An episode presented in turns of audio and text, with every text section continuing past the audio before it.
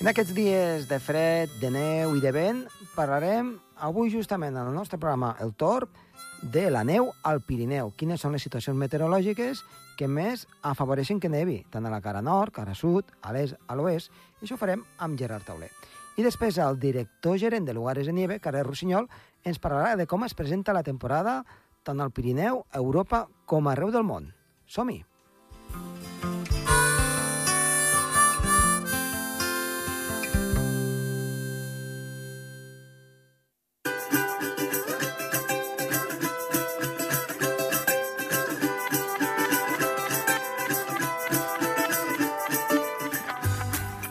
Comencem el programa Torb i avui parlem primer de tot amb Gerard Tauler. Gerard, molt bona tarda.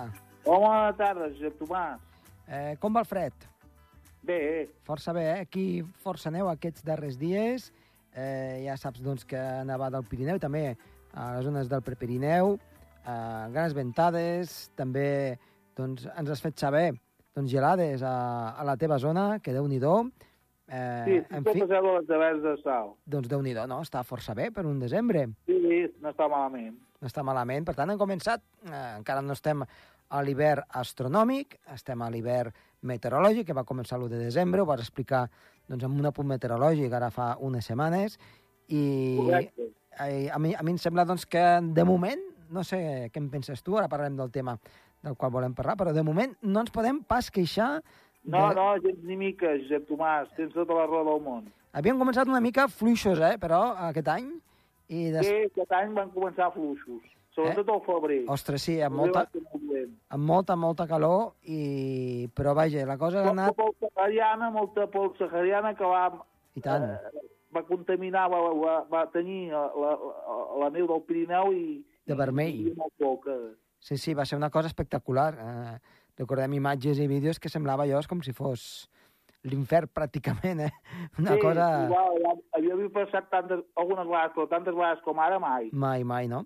Eh, I després, doncs, mira, s'ha anat arreglant una mica eh, amb els i baixos, però vaja, el que portem de finals de novembre i aquest, doncs, eh, fins ara de desembre, doncs la cosa està anant, està anant prou bé, amb Sí. ventades, amb nevades, en fi, amb una mica de el tot. vent està mogut, el que, els, el que els ingra, ens agrada eh, eh, Una mica. la, de la meteo, de la meteorologia. Exacte, ja vindran els temps anticiclònics i avorrits. Sí, sí, ja vindran, ja vindran. Ja vindran, per tant, ara ho hem de gaudir. Escolta'm, doncs Sí. avui eh, el que volem parlar una mica, eh, ho havíem comentat ja doncs, eh, fora, fora dels micròfons, és d'aquestes nevades que fa el Pirineu.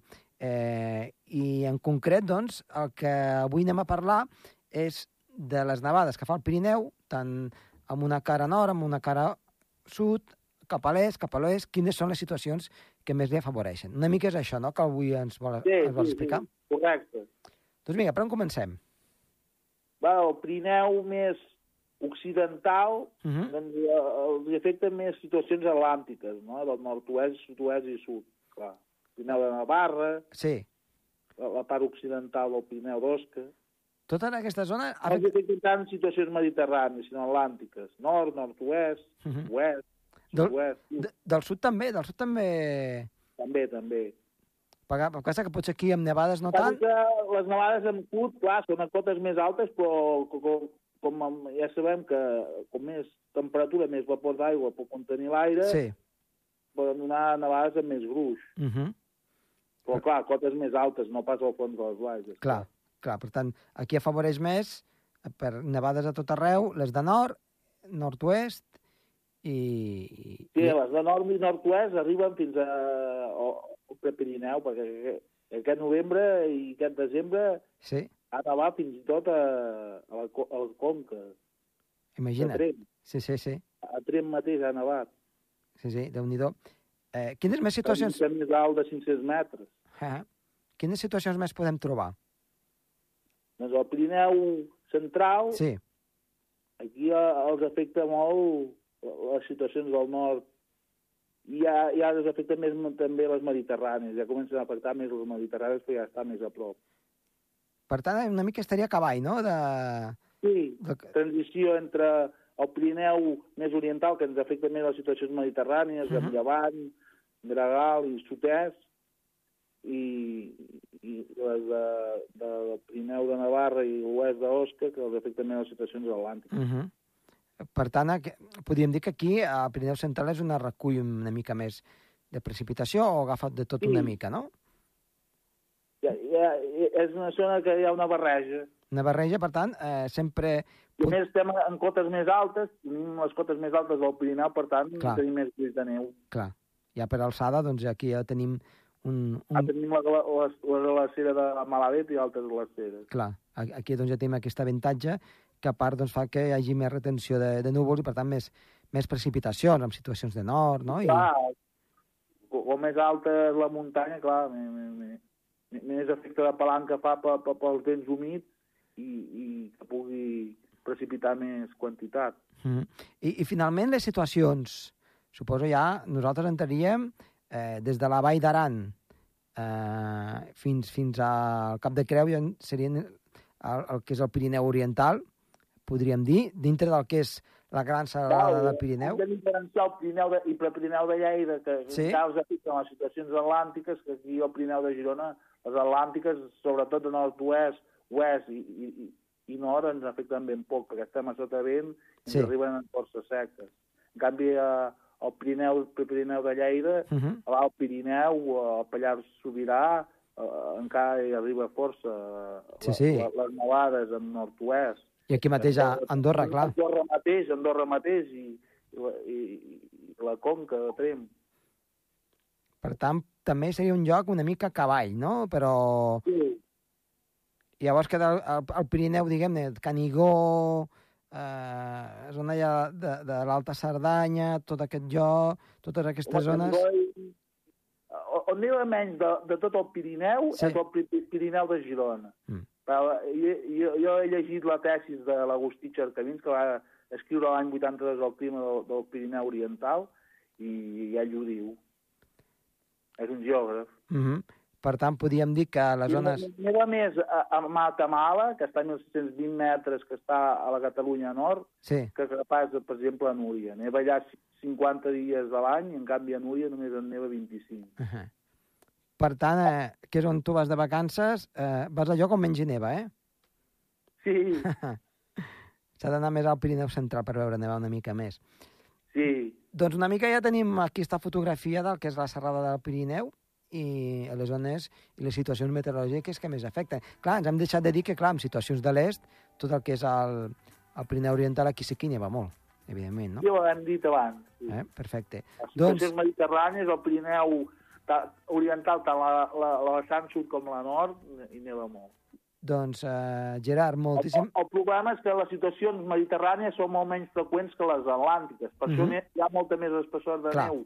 I Clar. li va escriure molt més al Pirineu Central i, i Occidental que al Pirineu Oriental, sobretot al Pirineu de Girona, on neva, amb la innovació és molt, molt, molt escassa. Uh -huh. I molt sovint es veuen les muntanyes de, de, de, de, de, de, de, que volten Núria, pelades de neu a pla hivern, i en canvi això el Pirineu Central clar, no Occidental és excepcional. Clar, clar, és veritat.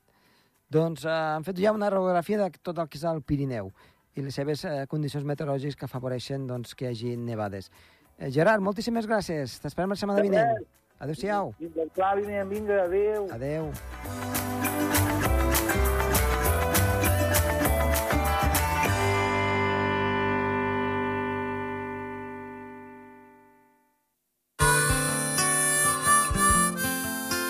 El Torb, amb Josep Tomàs.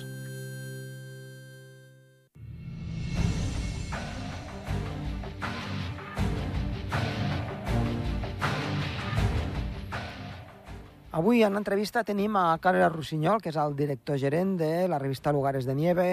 Carles, molt bona tarda, moltes gràcies per tornar a estar aquí amb nosaltres. Molt bona tarda.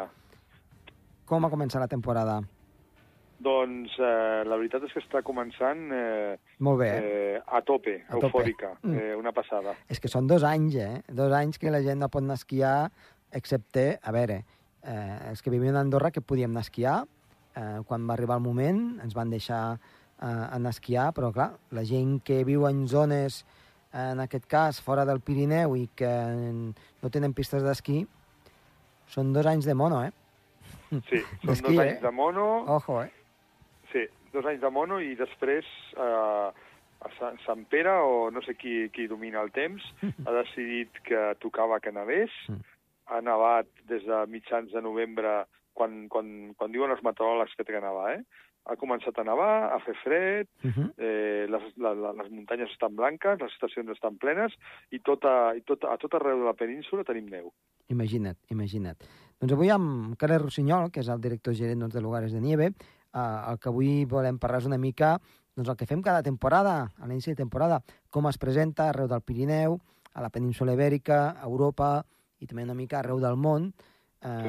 amb aquesta nova edició, podríem dir, d'aquest hivern, eh, encara sota l'espasa de Damocles de, de la Covid, però sembla que amb una mica més de màniga ampla per poder fer coses. O ja ho veurem, què és el que acaba passant. Però de moment, Sí. em, Sí. anem a parlar primer del Pirineu. Em, quines Ah. coses hi ha? Quins, quines situacions eh, tenim noves així per pels nostres esquiadors?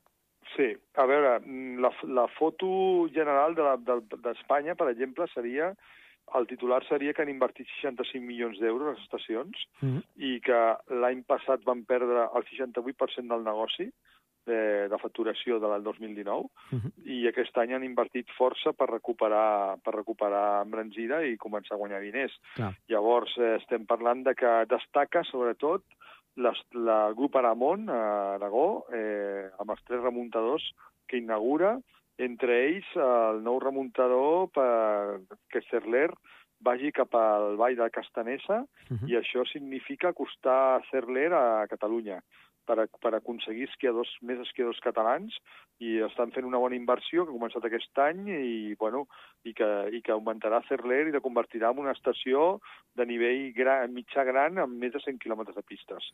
Això vol dir Llavors, que eh, de, des de quines zones podria esquiar? Eh, de, hauries de Mira. passar... Digues, digues. a, a la Nacional Direcció, quan anem cap a, cap a la Vall d'Aran, Sí? doncs eh, per Benavarra i cap amunt, des de Lleida, doncs eh, ara doncs, hi haurà un desviament i podràs anar cap a Castanesa i tots aquells pobles d'allà i des d'allà agafar una sèrie de cadires i arribar a Benasque esquiant, Uh -huh. pràcticament, a Cerler, que està al costat. I això és una bona, una bona jugada, un port una de bona muntanya, jugada de, dels aragonesos per, per, per treure catalans. t'estalviar un, un port de muntanya, no?, pràcticament, amb el que estàs dient. S'estalviem un port de muntanya, sí, perquè ara mateix és principalment el més difícil d'arribar a Benasque, que és una, població molt interessant, Sí? és, a, és la carretera que hi ha per arribar-hi, és, és bastant feixuga, Sí, no? eh, amb revolts i Clar. complicada. Clar, clar, déu nhi déu um, Què més tenim pel Pirineu? Així, Doncs mira, Andorra, Andorra ha invertit un total de 11 milions d'euros. De totes formes, eh, aqu- d'aquests 11 milions, 5 milions i mig els emporta el nou, el nou Averset, uh -huh. el nou local de presquí que vol ser referència a Europa, que està al peu del Tarter, al costat del Telecamina, i aquests sols pràcticament entre 5 milions i mig i 6 milions se'n van cap aquí. I, I mira, precisament ara estaven comentant que no se sap encara quin dia obrirà. Mira, jo La tinc, gent està expectant. hem, dit, hem, hem dit notícies de que sembla que per Nadal havien avisat que es podia obrir per les festes de Nadal, però és, no, no és uh, definitiu, eh? però sembla que per les festes de Nadal es podia obrir. Mm. Per tant, és una bona notícia. aquesta, sí, aquesta és la inversió més gran d'Andorra. Eh, Vallnord també ha fet la seva, el Parc Solar, el tema Arcalís, el tema del, del mirador de Tristània, bueno, petites inversions amb millors de canyons de neus, Uh -huh. eh, amb temes de, sobretot amb temes de, del free, de, de, del passaport, de, o sigui, del control de la gent, del poder comprar fora Force sense pagar, Uh -huh. sí, sense pagar a, a guixetes, tot això online, no? Tot això ho estan fent tots, una miqueta eh, digitalitzant totalment les estacions, aprofitant eh, o degut a la Covid, no? Uh -huh. I però si ens saltem de dintre el Pirineu, saltem a el que és el Pirineu, la vessant francesa, la suma de les 39 estacions d'esquí, sumant alguna de fons que hi ha a, a tot el Pirineu francès, inverteix 39 milions d'euros per millorar les estacions, entre elles algun telecabines de peu de poble, que és una cosa molt que als francesos els agrada molt, i en total, sobretot, mirant la sostenibilitat i, i que siguin mediambientalment siguin sostenibles i de cara a que siguin eh, estacions quatre, eh, eh, quatre, tots els mesos de l'any, eh, les, quatre, les quatre estacions de l'any. Una miqueta desestacionalitzant la neu. I per la resta de la península ibèrica? A la resta de la península ibèrica, ja et dic, el que destaca és l'Aragó i, i, el que destaca, i a nivell de, de Sierra Nevada. Aquest any eh, han comprat 70 canyons de neu d'última generació i de cara a la Nevada té un pla potent que ara està en auditoria i s'està pendent d'aprovar, que serien de, pràcticament 300 milions d'euros d'aquí al 2030 eh, per invertir en hotels, apartaments i remuntadors per convertir a Sierra Nevada en la, una verdadera competència de Gran Valira, eh, Aramon i o Baqueira-Bet. Mm, però, escolta'm, eh, no, no, no ho diré, va. Va, sí que ho dic. Que, que van dir que el 2030 ja no nevaria, eh? Aquí t'estic punxant, eh?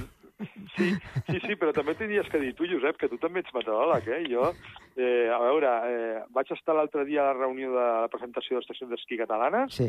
i, el, i un meteoròleg de TV3, Uh -huh. l'Oriol Cordomí, va dir que, que tranquils, que les previsions del Meteocat és que pel 2030 sols puja la cota 25 metres respecte a l'actual, que es podria fabricar neu i es podria esquiar amb les mateixes condicions que podien haver-hi ara mateix. Mm. Jo recordo una reunió, uh, una conferència de Martín Vide, eh, i doncs vam parlar una mica d'aquest tema i la gent, a Gran Valira, precisament, i la gent estava una mica doncs, preocupada, no? perquè justament deien que cap al 2020, això era el 2003-2004, que, que doncs, justet es podria esquiar al Pirineu, i, i ja ho veus, no? Per tant, Mira, eh, evi- evidentment, sí. pugen les temperatures, Sí, eh, potser sí, neva diferent, sí, però, però sí. eh, la gent que no pateixi que la nostra generació i la propera encara hi haurà neu al Pirineu per poder esquiar. Això va Sí. més a llarg termini. Sí, Eh? jo recordo, per mirar enrere també, a, a Escòcia se li va diagnosticar el fi de l'esquí fa més de 10 anys, Uh -huh. això a principis del 2000, segueixen esquiant i l'hivern passat van tancar la, el mes de maig, Uh -huh. i a Austràlia li van diagnosticar el fi de l'esquí també pel 2018-2020, això va ser a prin- 2005-2007, que els, alguns experts van dir que a Austràlia s'acabava l'esquí. De moment, per sort, Sí. s'han equivocat, eh, i, i, i això doncs, potser va més lentament, però que se segueix esquiant. Evidentment que va molt, lent- molt més lentament i és molt complicat, però per, Sí. pel negoci de l'esquí que estiguin ben tranquils, que la situació continuarà per molts anys d'aquesta manera. Eh, parlem ara Sí. un moment dels Alps i acabarem una mica amb, amb Estats Units i Canadà, si et sembla. Sí, sí. Com ho tenim a la zona dels Alps? Bueno, a la zona dels Alps el que més està preocupant ara és la incertidumbre per al tema Covid.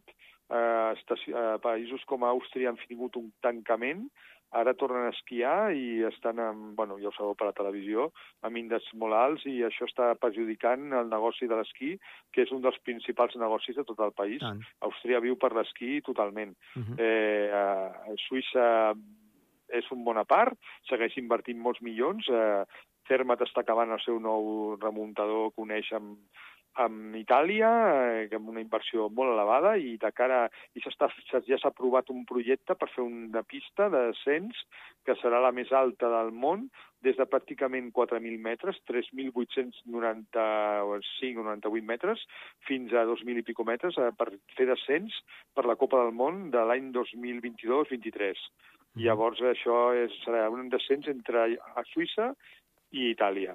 Els esquiadors eh, competidors no tots estan eh, gaire favorables perquè l'esforç físic de, de baixar un descens de tanta alçada eh, preocupa, però l'espectacle prima. Clar. I de, i, sí, i de cara i el que és Itàlia, doncs, sobretot eh, segueixen invertint, són els més estrictes d'Europa amb el tema Covid i les, controls per accedir-hi, per poder esquiar o per anar a restaurants, però tanmateix, eh, per exemple, Cortina en Pezzo està invertint molts diners per convertir-se un altre cop en una estrella dintre les Dolomites i tornar a ser referent i unir-se totalment per remuntador amb el resto de, de, de, de lo que és el esquí Dolomiti, el Super Dolomiti, que són eh, més de 1.000 quilòmetres de pistes.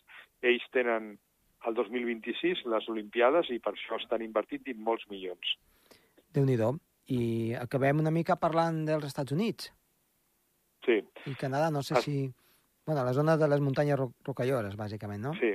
Sí, sí, estan tots molt... Eh, estan optimistes perquè als Estats Units eh, la passada temporada no va patir tant l'efecte Covid degut a, a diferents polítiques dels governants que van permetre, no van tancar cap estació i, eh, amb, i amb la mascareta i amb els controls van poder esquiar i van tenir una facturació molt propera a, a d'un any normal. Eh, les inversions a les rocoses han continuat, eh, i, el, i el Canadà també, i el que també esperen és que sigui una gran tem- temporada d'hivern, sobretot a la, la, a la costa oest, degut a la niña. Exacte, Mm, ta- això que hem parlat Sí. tantes vegades. Doncs, Carles, eh, moltíssimes gràcies per estar avui aquí amb nosaltres, per fer-nos aquest tastet del que pot ser la temporada i, sobretot, que tinguem una temporada tranquil·la i amb la neu que toca, quan toca, i fins al final de la temporada. Moltes gràcies i fins la propera vegada. Perfecte, moltes gràcies a tots i esperem que la temporada no tingui cap susto a nivell de, del que ja sabem, de la Exacte. pandèmia, i que tots puguem eh, gaudir d'una bona temporada i llarga temporada. Moltes gràcies, Carles. Gràcies, Adéu. adéu.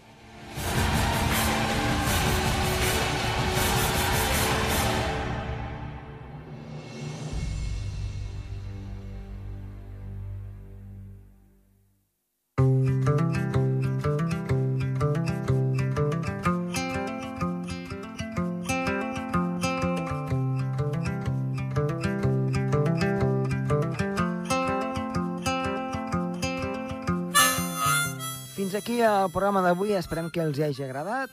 Està de les vies de so, Toni Escur, i que els ha parlat amb molt de gust, Josep Tomàs. Adéu-siau.